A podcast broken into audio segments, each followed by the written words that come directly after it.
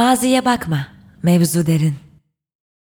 OM'un Maziye Bakma Mevzu Derin sergisi, geçmişten günümüze birey ve toplum arasındaki ilişkiye ve ötekiyi tanımlama biçimlerimize odaklanıyor. Sergideki eserler, aidiyet, adaptasyon, kabul görmeme, meydan okuma gibi insan olma hallerini araştırıyor. On Podcast'tan herkese merhaba. Mikrofonda ben Büşra Arkara. Bugünkü konuğumuz Maziye Bakma Mevzu Derinde Bayrak adlı eseriyle yer alan Şener Özmen. Şener Özmen 1998'de Çukurova Üniversitesi Resim İş Eğitimi bölümünden mezun oldu. Yurt içinde ve yurt dışında karma sergilere katıldı. Video çalışmaları Köln Sanat Filmleri Bienalinde ve 52. Uluslararası Oberhausen Kısa Film Festivali'nde gösterildi. Sanatçının son kişisel sergisi Yeni Bir Umutsuzluk 2019'da Plevneli Galeri'de gerçekleşti. Şener aynı zamanda Uluslararası PEN Yazarlar Örgütü üyesi. Hoş geldiniz Şener Bey. Hoş bulduk, teşekkürler.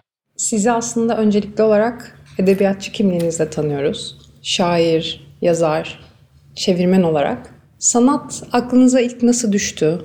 E, şu andı dediğiniz, öyle hatırladığınız bir an var mı? Evet yani o sıra işte Mardin'e bağlı bir ilçedeydim. E, liseyi yeni bitirmiştim. E, İdil'deydim. Yani e, e, diğer adıyla Hezeh. Süryanilerin koyduğu e, bir isimdi bu ve tek tük Süryani kaldı. Çünkü çok iyi bir dostluğumuz ve e, komşuluğumuz vardı Süryanilerle. Babam onlara ait bir köyde e, öğretmenlik yapıyordu, memurluk yapıyordu. 80 öncesi, darbe öncesi ve darbe sonrasından bahsediyorum. Çocuktuk tabii yani hatırlayabildiğim kadarıyla. Sanırım söyleşilerin birinde bunu e, söylemiştim. Haberli Kırklareli diye Basibrin yani bir Süryani köyüydü. Babam ben 6-7 yaşındayken yanımda götürmüştü beni ve tek e, gözlü bir odada yaşıyordu. İşte e, odun sobası vardı. Köylüler, onu sevenler ona işte e, bir şeyler getirirlerdi. Yumurta, süt, bal vesaire vesaire. Bir kilise vardı. Çok iyi hatırlıyorum. Çünkü gidiyordum ben o kiliseye ve şey, merak da ediyordum. Yani bir çocuk merakı. Evlerin birine giderdik. Muhtarın eviydi kanımca ve duvarda bir yağlı boya tablo vardı. Bir ejderhayla savaşan bir Aziz'in yağlı boyasıydı bu ve e, e, Süryani bir ressam tarafından bir reprodüksiyon olarak yapıl, üretilmişti. Çok hoşuma gitmişti ve çok etkilenmiştim. Ve şey diyordum bunu bu kadar gerçekçi nasıl yapabilir? Çok iyi bir tablo bu. Ben böyle yapabilir miyim diye. Bunlar e, bu tür şeyler, imajlar, imgeler insanın zihninden çıkan şeyler değil, çıkmaz bunlar bunların bir kalıcılığı vardır. Bu iyi bir noktaydı benim için ama hayat hep böyle gitmiyor.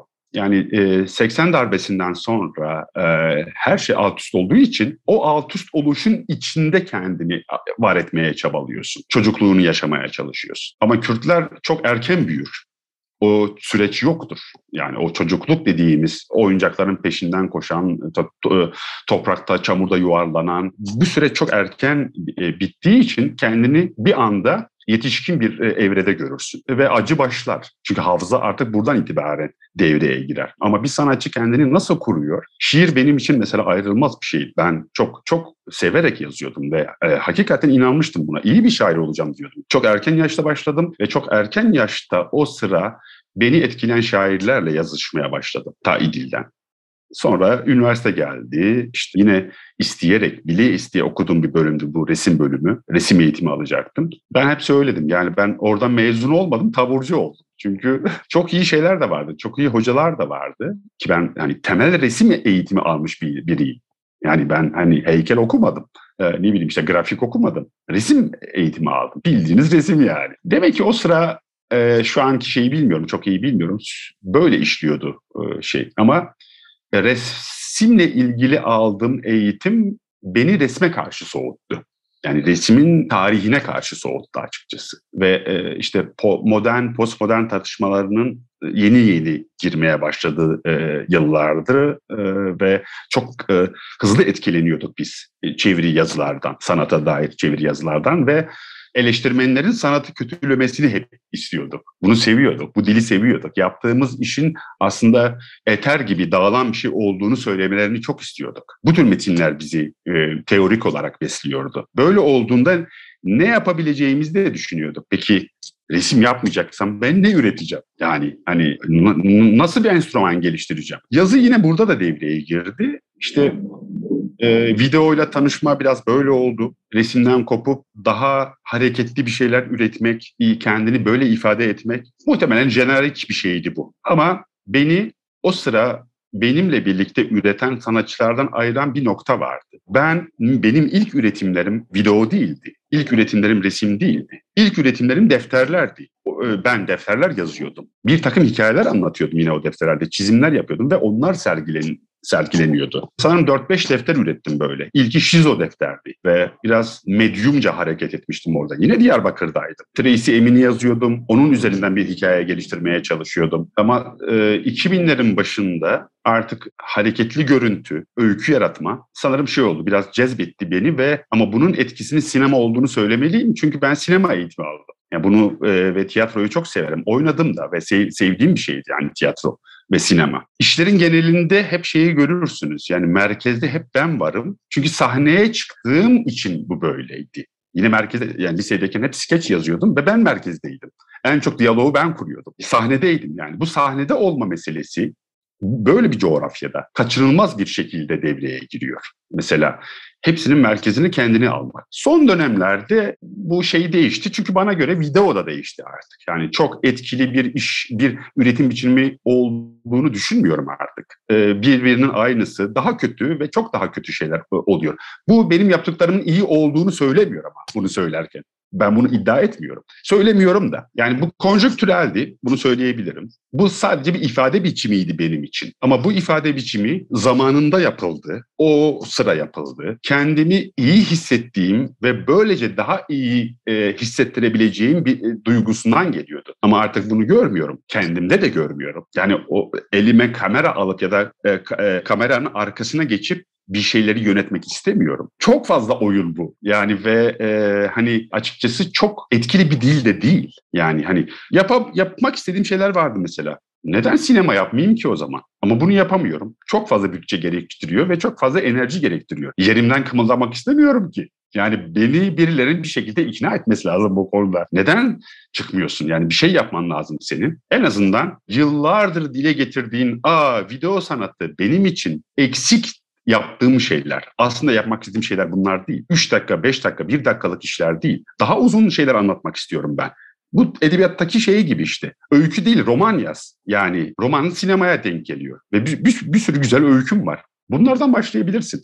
Ama dediğim gibi pandemiden önce bir pandemi vardı zaten sanatta. Yani e, çağdaş sanatta. Düşünsenize hani yani eskinin küratörleri bu sözümü çok sevmiyorlar. 95 kuşağı dediğim bir kuşak vardı. Hani Sonra herkes zaten ayrıldı bir şekilde. Bir galeriler dönemi başladı Türkiye'de. Herkes bir galeriyle çalışmaya başladı. Kimi kısa sürdü, kimi uzun sürdü. Hala varlar ve bir altın çağı var mı Türkiye'de çağdaş sanatın? Var, evet. Yani bir, bir hani görünürlük, farkındalık, ses getiren gazeteler yazardı. Yazanların e, yazdıkları şeyler e, değerliydi. Onlar okunur. Bunlar gazeteci olsa bile önemliydi. E, ama sanki her şey bu kadar profesyonelleştikten sonra bir şey kaybedildi orada. Yani e, artık e, gazeteler önünüzde sanat haberleri ve sizi etkileyen bir şey yok orada. Yok yani. Hani ne artık işte e, zamanını hapiste geçiren bir e, ve sonra sanatçı olan birinin ya söyledikleri seni etkiliyor. Ne hayatı boyunca hapis görmemiş ama işte evinde şöyle böyle üretmiş çok fazla tanınan bir sanatçının ürettiği sizi e, bunlar olmuyor. Yani bu o zaman şöyle demeli. Belki e, biz başka bir zamanın izini sürüyoruz şu an. Ve konuştuklarımı e, her zaman genellemekten uzak bir yerde o şey yapmaya çalışırım. Bu benim sürecim, benim pratiğim. E, her sanatçı bunu yapmıyor. Deli gibi çalışan sanatçılar var. Yani onlara e, saygı duymakla birlikte hep neden böyle hızlı çalıştıklarını sorarım. Ne yapıyorsunuz? Yani gerçekten ne yapıyorsunuz? Yani hani her şeye, her şeye ilişkin üretim yapan, ondan sonra her şeyi sergileştiren, öyle söyleyeyim. Yani e, bir artık üretim demeyeceğim, sergileştirme diyeceğim. Çünkü her şey böyle oluyor artık. Hani hayır bu süreç bence biraz uzaktan bakılması gereken bir süreç diye düşünüyorum. Yani buradan da bakılabilir. Çünkü yapacağın hiçbir şey çok çok çok kısa süreli yine o da çok dar bir çevrede bir etki yaratacaktır. Ve inan bana o çok çabuk unutulacak. Yani sözün ne olursa olsun çok çabuk unutulacak şeyler bunlar. Peki ama Sanatçı ne yapmalı? Yani burada ben ne yapmalıyım? Daha çok okuyarak kendi canımı mı sıkmalıyım mesela? Daha fazla okuyarak ya da bunu önermeli miyim? Hayır, önermiyorum da. Ben artık hani sanatın bilgiyle, bilginin işte diğer disiplinlerle, diğer disiplinlerin yine hakikatle bunlar değil. Bunlar fazlasıyla kafa karıştırıcı şeyler. Yani kendi açımdan söylüyorum. Yaşamanın ve bu koşullarda yaşamanın iyi bir sanat olduğunu düşünüyorum. Bana öyle geliyor yani. Survivor yani bu iyi bir sanat. Zaman zaman konuşmak iyi bir sanat. İlla ki duvarlarda, yerlerde, tavanda e, seni cezbedecek şeylerin olması gerekmiyor. Yani bir sürü alan var artık. Bir sürü bunları paylaşabileceğin e, farklı alanlar var artık ve bu e, imge bombardımanı, e, sevkiyatı içinde senin çok özel şeyler söylemen gerekiyor. Çok özel şeylere değinmen gerekiyor. Ama bunlar yoksa ortalama sanatçının yaptığı tuzağa düşersin. Yani göçü işlersin, mülteciliği işlersin, kırımı işlersin, sıkışmayı bunları işleyeceksin. Elinde başka bir şey yok. E, hakikaten başka bir şey yok yani. Biraz umutsuzca oldu söylediklerim galiba. Bence 80'lerden bugüne gelmiş olduk aslında. Mesela 80'lerde 80'ler hakikaten farklı bir şeydir. Çünkü seni 80'lerden 90'lara taşıyan başka bir şey daha var mesela. Sanat ta- tarihçileri ve e, o e, dönemin çok öncüleri söyleyeyim, küratörler bunu çok iyi biliyorlar. Bir hesaplaşma vardı abstrak painter'la sanatla. Yani betonarme bir soyut sanat meselesi vardı. Türkiye'nin bütün meselelerinden uzak, kendilerini bir şekilde akademik olarak güvenceye almış ressamların, bundan çok yurt dışında eğitim almışlardı. Böyle sınıfsal bir bakışla sanata baktıkları bir dönemi oldu. Ve bunu sürdürmeye de çok gönüllüydüler, eğilimliydiler. Yani Türkiye'de akademik söylemin dışına çıkan hiçbir sanat sanat değildir. E, neredeyse bunlar söylendi. E, düşünsenize 90'lı yıllardaki şeye bir bakın. Yaramaz, hırçın, ironik ve sanatı çok ta- takmayan bir şey sanatçı süreci var. Sanat üretme biçimi var. Aslında çok takmıyor. Yani dalga geçiyor, kendinden öncekilerle, gelenekle hesaplaşıyor, başka bir şekilde hesaplaşıyor. Yeni ifade biçimlerinin gelmesini istiyor ve bunu yapıyor. Bu bir savaş mı? Evet bu bir savaş. Yani kimler arasında yaşandı? Valla sanat tarihçileri bunu çok iyi izler. Çünkü bu sürecin bir parçasıydım ben. Ben 2000'lerde değil, işte 90'ların ikinci yarısında başladım. Yani e, disiplinler arası Genç Sanatçılar Derneği vardı. E, çok iyi hatırlıyorum yani beni üyeleri olmak istiyordum ve hani e, genç sanatçılar işte birkaç e, çok iyi etkinlik de yaptı İstanbul'da. Yani ondan sonra yine çok büyük bir etkinlik olarak Bienal, Biennaller vardı. İstanbul Bienali vardı ve öğrenciyken İstanbul Bienalini görmek için Adana'dan otobüsler kalkardı. Biz o zaman öğrenciydik ve gider birkaç birkaç böyle tanımadığımız insanların evinde kalırdık. E, sırf Bienali görmek için. Tek bir videonun olmadığı Biennaller bunlar. Yani projeksiyon zaten yok ondan sonra. Büyük bir çoğunluğu pentürden oluşan şeylerdi benim ilk gördüklerim. Yani çok tabii ki bizi etkiliyordu bunlar. Ama istediğim şey bu değildi. Görmek tamam bunları görmek iyi şeylerdi. Bugün müzelerde e, duvarlardaki işleri görmek gibi. Ama sanırım istediğimiz şey hani bu 90'lar işte bilirsin hani bunlar e, kitaplaştı da bu kuşaklar bu pratik kitaplaştı da hani isteyen merak edenler gidip bulurlar bunları. Toplulukların sanat topluluklarının e, genç sanatçılarla ve kendi yollarına farklı türlü türde e, bir şekilde çizmeye e, başlayan sanatçılarla ortak sergilerde bir araya gelmesi de ilginçtir. Yani genç etkinlik sergileri böyleydi ve büyük bir etkisi oldu bu sergilerin Türkiye'deki çağdaş sanat üzerinde. Çok büyük etkisi oldu. Bugünün pek çok e, bilinen sanatçısı o oradan geliyor mesela. İlk işlerini hep orada sergilediler. Orada görünürlük kazandılar. Ama artık bu dönemler bitti. Geldik 2021, 2022 işte. Dediğim gibi pazar ekonomisi, pazar meselesi her şeyi ele geçirdi. Yani ve bu olmayacak bir şey değildi zaten.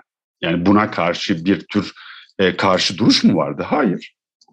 Böyle bir şey yoktu ki. Müzeler açıldı, galeri sayısı arttı. Düşünsenize hani buna rağmen işte bizim uluslararası sanatçılarımız yok aslında. Uluslararası sanatçılar bizi işte hani bu temsiliyet yok diye şeyler üretildi mesela. Bu da ilginç yani bana fazlasıyla şey gibi geliyor. Çok provokatif bir söz gibi geliyor.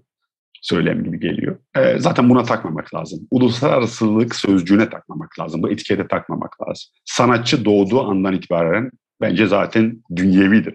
üretir yani ve bunun dolaşımının az olması, çok olması, fazla görün bunlar e, onun sanatını belirleyen şeylerdir. Tarihi belirleyen şeyler değil. Sanat tarihi belirleyen şeyler değil. En azından benim düşüncem bu yönde yani. Yani e, kişisel olarak, kişisel pratik olarak, e, pratik olarak hani ben 2019'da yeni bir umutsuzluk sergisini yaptım ve benim için büyük bir sergiydi o. İlk kez bütün işlerimi ve yeni işleri de bir arada görebilecek şekilde dizayn edildi o. Yeni bir umutsuzluğa varmamın sebebi zaten sergi bülteninde de bahsetmiştim bir kitapçığında. Hakikaten umutsuzdum. Yani yaşadığım hayat olarak da çok umutsuzdum. Bakış olarak umutsuzdum. Gördüklerim beni e, çok etkiliyordu. Bir şekilde ben de bir mülteciydim aslında. O, o sıra Berlin'deydim ve çok fazla bir göç almıştı. Kendimi onlardan ayırmıyordum zaten. Hani öyle bir şeyin içine girmedim. Yine dönüp dolaşıp işte e, kendimi nereye bağlayabilirim? Bugünkü sanatçıyı nereye bağlayabilirim? Bu benim konumumla alakalıydı işte. Yani ışınlanabilirim belki. Bunu yaptım mesela. Energize böyle çıktı. Kendimi ışınlayabilirim. Hakikaten bunu düşünmek ve bunun gerçekleşmeyeceğini bilmek ama o yanılsamaya kapılmak bile benim için iyi bir şeydi. Diyarbakır surlar yani özellikle çatışmalardan sonra yok edilmiş e, bir bellek de Berlin'le Diyarbakır Sur arasında bir geçiş sağlıyordu. Çünkü oradan ışınlanıyordum ve Berlin'de bir yere geliyordum. Bu benim bir önceki pratiklerime sanat, yani imge üretme biçimlerinden çok uzak şeyler değil. Işınlanma, bilmem bunları seviyorum ve bir yerden bir yere gitme meselesini sanki bellek şey imge konumlanmak böyle oluyor. Yani e, ve bu kadar hızlı olabiliyor ki gerçekten de hayat çok fazla hızlı oldu artık. Hani her gün ama her gün teknelerde e, insanlar ölüyordu. O tekneler batıyordu ve çocuklar ölüyordu. Bu haberler sürekli önüne, önüne düşüyor senin. Düşün yani hani e, Ai Weiwei'yi bile hani e, eleştiren şeyler çıktı Türkiye'de. E, kendileri de bu işleri yapmalarına rağmen. Yani bu da bana ilginç geliyor mesela. Hani şunu mu demeye getiriyordu sanatçılar acaba? Bu durum, bu gerçekliği, bu hakikat bize ait. Senin bunu yapmaman lazım mı? Ne tuhaf bir şey bu. E, ne ilginç bir sahiplenme biçimi bu. Aslında öyle değil. Yani sanat sanat böyle hakikaten yürümüyor. Şimdi işte bu e, gerçekliği hani hep böyle biraz klişe bir laf olacak ama böyle bu altı boşaltılmış dediğimiz kavramlar oluyor ya hani artık bundan bahsetmek istemiyorum. Zaten bence uzun bir süredir artık olmayan şeylerden bahsediyoruz. olmayan iyi sergilerden, olmayan iyi işlerden, olmayan iyi yazılardan eleştiri anlamda söylüyorum ben. Ee, bunlardan bahsediyoruz yani. Planlanmış ama olamamış mı yoksa? Hayır, kötü. Kötü anlamında söylüyorum. Kötü eleştiri yazıları. Kötü işlerden bahsediyorum ben. Ama biz bunları iyiymiş gibi okuyoruz. İşte işte bu. Yani bu bu bu bu bir şey değil. Bu bir e, bir, bir buluş değil ki. Bu bir keşif değil ki. Bu bu sistem yani o sistemin içinde kimler varsa zaten öyle gider bu. Yani sen Türkiye'nin e, işte en iyi sergisini mi yaptın? Bu yılın en iyi sergisi hangisiydi? Bu yılın en iyi işi hangisiydi? Bunlar nasıl şeyler, listeler? Çok tuhaf. Yani hani gerçekten çok tuhaf yani. Bir sergi iyiyse iyidir, kötüyse kötüdür. Yani bunu söyleyemekten niye bu kadar şey olmuyoruz yani? Ama bu hani iyilik, kötülük, terazi, kim değerlendiriyor, bakışlar, süreçler, kimler yazıyor sanatı, nerede yazıyorlar bunlar çok önemli. Yani bunlar önemli değil mi? Bence çok önemli. Nerede yazıyorlar? Kimler hangi sergileri yazıyor? Kimler hangi sanatçıları yazıyor? Bunlar önemli. Bence hep önemliydi. Ama bugün daha önemli. Aslında e, çağdaş sanatın kısa, çok kısa tarihinden biraz bahsetmiş olduk. Ee, ben biraz da sergiden ve sergideki eserinizden bahsetmek istiyorum. Hı hı.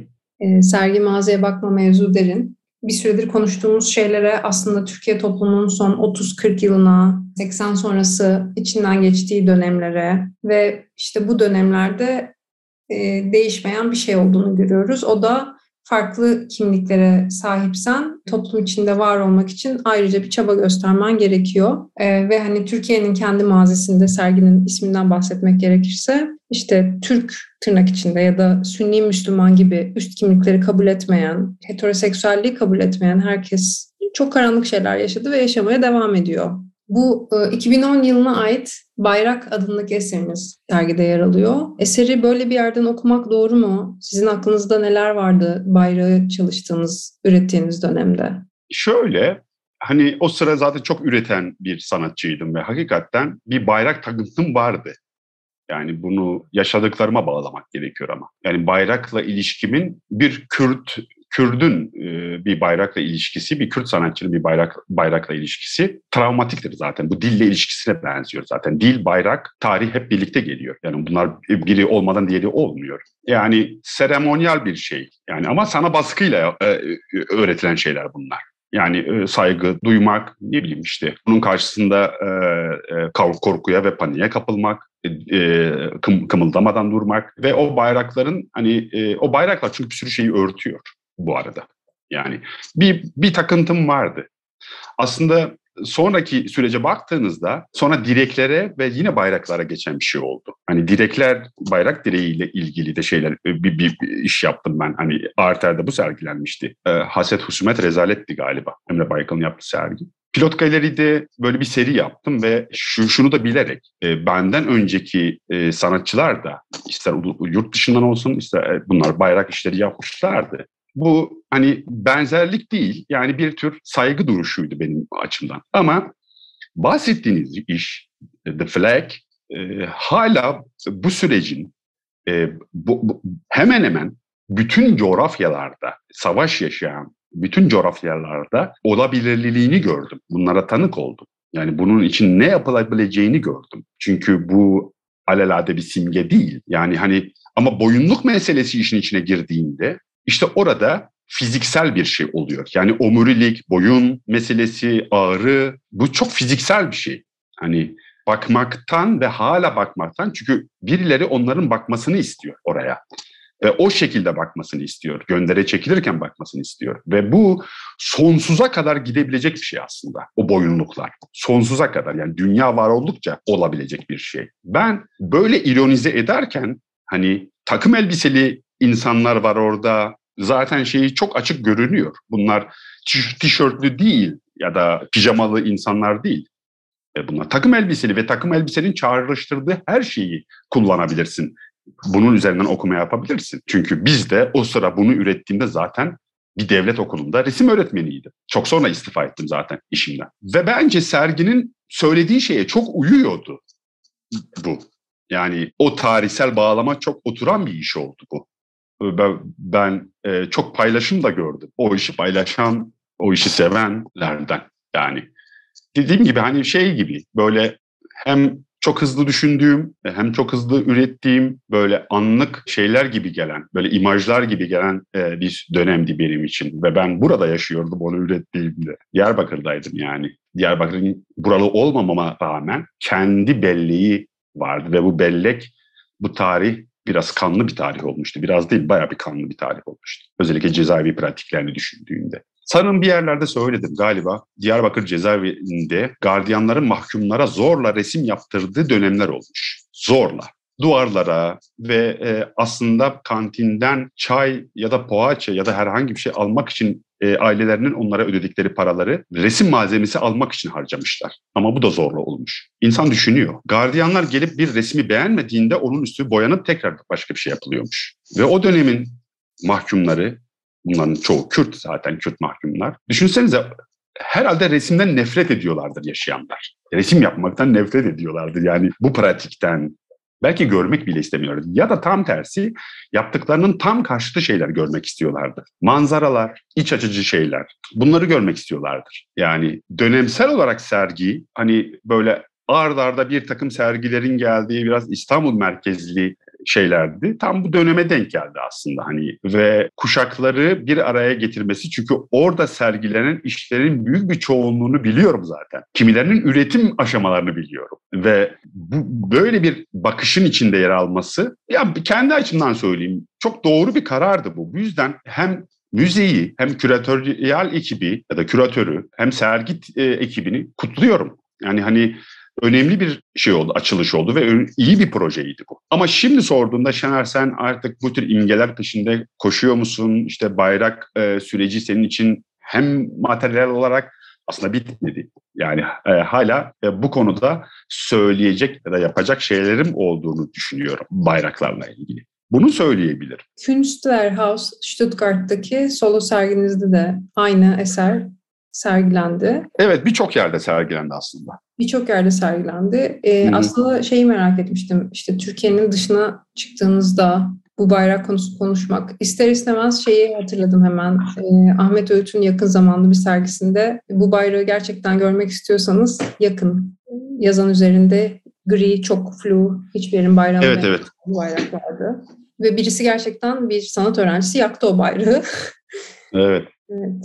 Yani dediğim gibi hani zaman zaman sanatçıların temel konuları gibi yani bazen ortaya çıkıyor bunlar. Çeşitli üretimler olabiliyor. Yani birbirleriyle hiç e, ilintisini kuramadığımız, sanatsal açıdan okuduğumuzda aslında ilintisini kuramadığımız şeyler de olabiliyor. Bunlar bence bir sanatçının hayatındaki üretim pratiğindeki çok olağan şeyler. E, çünkü sanatçı sonuçta bana sorarsan alelade bir insan ve öyle yaşıyor bunun işte burada gözüne çarpan şeyler, kendi sorunsallaştırdığı şeyler üzerinden bir takım şeyler çıkar, çıkabiliyor. Benim sorunsal, sorunsallaştırdığım meselelerin aslında bir ezber olmamasını çok istiyorum. Yani bu işte ama bundan nasıl kaçınılabilir? Üretmeyerek olmuyor bu. Yani üretmeden bir yerde durarak aslında bu iş olmuyor. Yani üreteceksin ve kendi sorduğun soruya yanıtını yine kendin vereceksin. Yani eğer o bir yanıtsa ve bunun bir yanıt olduğunu hakikaten iknaysa böyle yapacaksın. Ben buna inanıyorum. Yani hani bu yüzden söylüyorum. Hani yurt dışında Evet bunu ben New York'ta da sergiledim. Avrupa'da pek çok sergide sergilendi. Türkiye'de sergilendi. Yani galiba kimi işler bir takım coğrafyaları imliyor. Ve o coğrafyaları imlediğinde o iş nerede sergilenir sergilensin izleyici şey diyor. Aa tamam bu bu coğrafyadan geliyor. O zaman doğru. Doğru. Yani hani ama peki e, Hollanda'da, Almanya'da, Rusya'da, Çin'de bu sorun yok mu? Bir bayrak meselesi. Devletin olduğu her yerde var. Aslında devlet olmak da gerek, gerekmiyor. Yani hani her yerde bu mesele var. Hani ve bu bu işleniyor. Ama boyunluk ona dediğim gibi ne katıyor? Boyunluk ona tam da o boyunun hani şeyi düşünürsen Afrika'daki kadınların hani boyunlarını uzatmak için taktıkları halkaları düşünsene.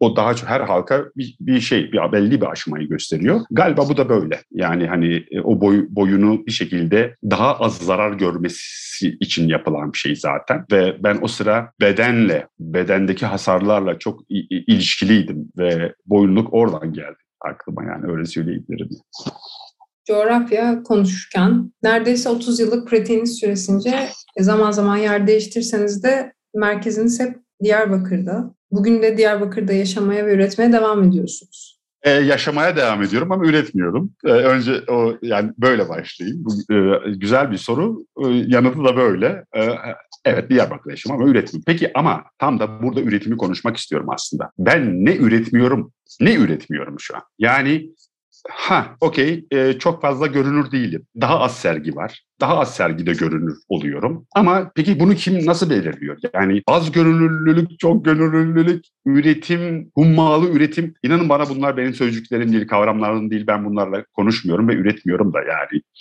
Ha, bu tepkisel bir şey de değil. Değil asla. Yani tavşan daha küstü meselesi de değil. Hayır. Bu çok çok çok saçma. Yani üretim min, e, yani şöyle e, söylemiştim zaten bunu. Bir takım enstrümanların orada duruyor. Sen onlara dokunmuyorsun. Peki ne yapıyorsun? Tutup yazı yazıyorsun. Mesela öykü yazıyorsun. Tamam işte üretiyorum ama üretiyorum. Yani bunlar yeterince dünyevileşmiyor mu? Dünyevileşmesin. Ne yapacağım? Ben sergilere yayınladığım öykü kitaplarını mı göndereceğim? Ki bunu da yaptık. Künstler Haut Stuttgart'ta küratör Adnan Yıldız o kitapları da sergiledi. Yani benim yayınladığım, benim bastığım, benim yazdığım kitaplar da sergiledi böyle bir e, cam masanın içinde. Üretim meselesine, üretim meselesi bir yani birkaç yönlüdür. Üretmezsen e, satamazsın. Üretmezsen kimse artık senden bahsetmeyecek. Birkaç yıl sonra artık böyle birinden de bahsetmeyecek. Üretmezsen işte dediğim gibi işte bu görünürlülük meselesi problemi ortaya çıkacak. Lütfen bunlarla kafa yormayın. Söyleyebileceğim şey bu. Bunlarla kafa yormayın. Geçmişte de yoktu bunlar. Sanat tarihi de böyle işlemiyor yani. Hani görünür olmak, olmamak, çok üretmek, az üretmek, hiçbir şey yapmamak. Hayır böyle böyle değil. En azından benim kurguladığım şey bu değil yani. Yani bu şunu mu e, söylüyor? Hayır biraz geri çekildim o kadar. Ve bunun iyi bir şey olduğunu düşünüyorum. Çok da iyi bir şey olduğunu düşünüyorum. Birazcık şundan bahsetmek istemiştim aslında. İşte şehirlerin kendi içinde bile hep böyle bir e, çeper ve periferiden bahsediyoruz belki de. İşte galerinin olduğu, galerilerin olduğu ya da sanatçıların yaşadığı ve ürettiği ya da etraflarındaki mekanlara bakınca yani az önce bu üniversite yıllarında Bienal olduğunda İstanbul'a geldiğinizden bahsederken de şunu merak ediyorum. Bu çeper ve periferinin sizin gözünüzde son yıllardaki ilişkisi nedir?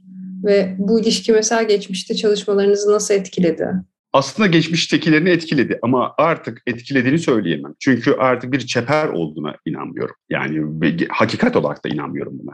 Yani 90'lı yıllarda bu cezbeden bir kavramdı. İstanbul dışında yaşayan ve üreten her sanatçıyı cezbederdi bu. Ankara'da ya da İzmir'de olsun. Çünkü Ankara'daki sanatçı ve İzmir'deki sanatçı İstanbul'u beslemek için üretiyordu. Bunu hiçbir bugün artık İstanbul'da yaşayan ama o çeperlerden gelmiş hiçbir sanatçı inkar edemez. Biz orayı beslemek için çalışıyorduk. Bu yüzden yani merkeze akan sanatlar diye bir kavram, bir başlıkla bir konuşma yapmıştım İstanbul'da. Ürettiğin her şey sabah oradaydı. Kargolar iyi çalışıyordu.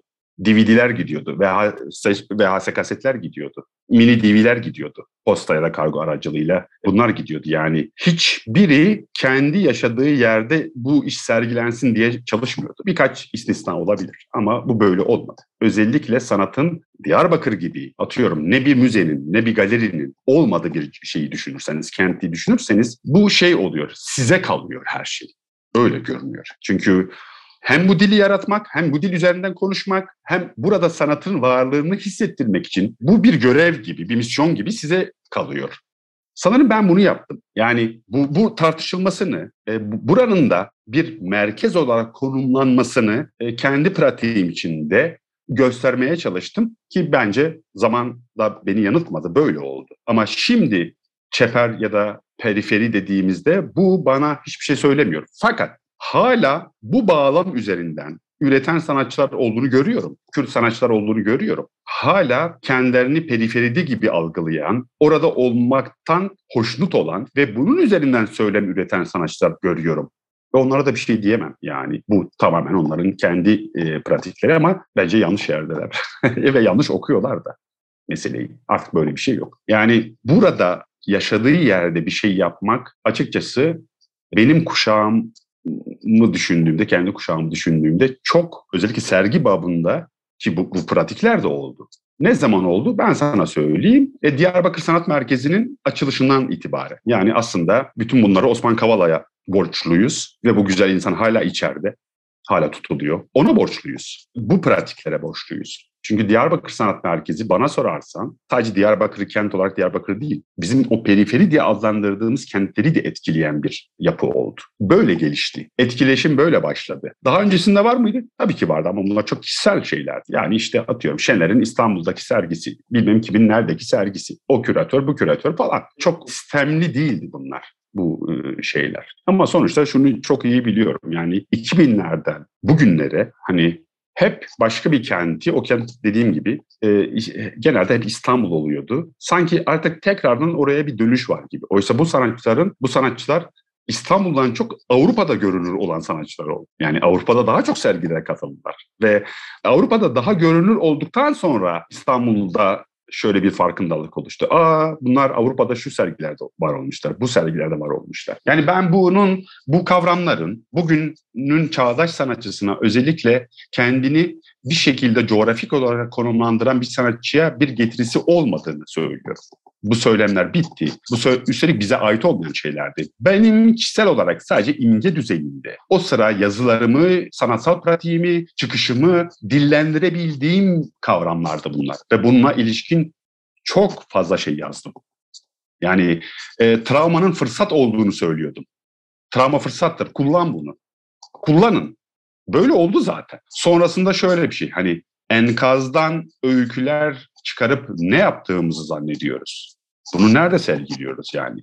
Ama burada burası bir enkaza dönüşürken bunu nasıl ifade ediyoruz? Sanat sanatçı olarak bunu nasıl ifade ediyoruz yani? Bu entelektüel tavırla çok alakalı bir şey. Yani ben öyle düşünüyorum. Yani ve e, çoğu sanatçı zaten entelektüel değil. E, değiller. Yani sadece kendi sanatçılarını üreten ve söz üretmeyen diye sanatçılar. Bunu, bunu söyleyebilirim yani merkez periferi çeper meselesi üzerine. Evet bu mesele bizi bir yandan e, bahsetmek istediğim başka bir şeye de getirdi. O da sizi sanatçı kimliğinizde olduğu kadar e, yazar olarak, editör olarak, çevirmen, şair olarak bu şapkalarla da tanıyoruz. Yakın zamanda da Avesta yayınlarından bir öykü kitabınız çıktı.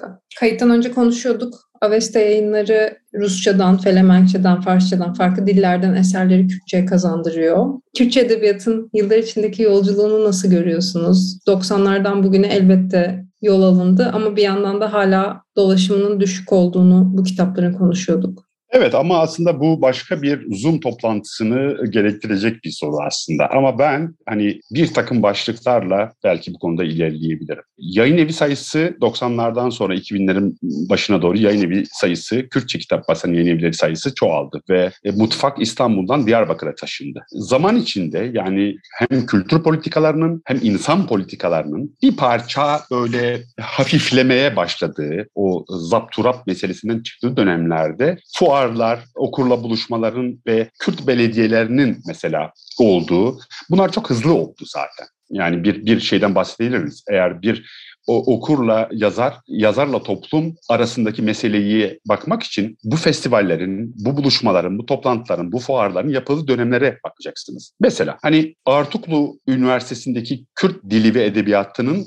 çok büyük etkisi olduğunu düşünüyorum. Ve bu etki e, birkaç yıl sonra kırıldı. Yani devlet e, bu kürsüleri kapattı. Kürt dili edebiyatını mezun olanlar iş bulamadı. Hala bulamıyorlar. KHK'lar e, bunların canını okudu. Bir sürü akademisyen atıldı ve daha korkunç şeyler. Yani aslında her zaman Kürt edebiyatının yayıncılığının önünde bir takım engellerin ve bu engellerin devlet üzerinden geldiğini geldiğine hep tanık ol. Yani yasaklanmasına, toplatılmasına, e, dolaşımın engellenmesine. Bu yüzden hani okur sayısı dediğimde ben böyle rakamlar veremem ama her zaman bir şey olduğunu gördüm. Yani okuma grupları oluştu. Mesela bu çok sivil şeylerdi. Yani Kürtler bir şekilde e, bir şekilde direniyor ve e, Kürtçe okumak için, Kürtçe e, romanları, öyküleri, şiirleri okumak için bir şekilde örgütleniyorlar ve bunları yapıyorlar. Bu her zaman var mıydı? Hayır. Ama en böyle hani hiç satış patlaması yapan bir şeyimiz yok bizim. Ama bu pek çok şeyle alakalı. Ve önünde uzun kuyruklar oluşmuş bir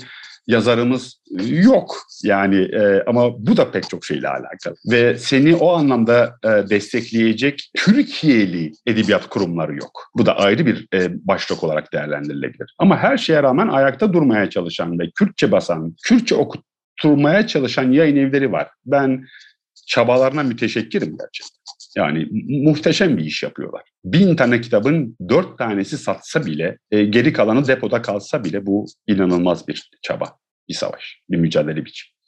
Bu yüzden hani o tarihten yani ilk tabii ki 90'lar bunun başlangıcı değil. 90'lar sadece bu coğrafyadaki meseledir. Yani çok daha öncesinden başlayan bir e, tarih var. Yani çok merak edenler yine Avesta'dan çıkan kitaplara bakabilirler. Yani bu yayıncılık tarihiyle alakalı, gazetecilikle alakalı, ilk kitapların basıldığı diller, alfabelerle alakalı bunlara bakabilirler. Çünkü çok çok çok gerilere giden bir tarihten bahsediyoruz. Biraz pop bir sorun var. O da şu. E, sergi ismini aslında bir kamyon arkası yazısından alıyor. Maziye bakma mevzu derin. Sevdiğiniz bir kamyon arkası yazısı ya da 70'lerden 80'lerden sloganlaşmış bir şarkı sözü var mı?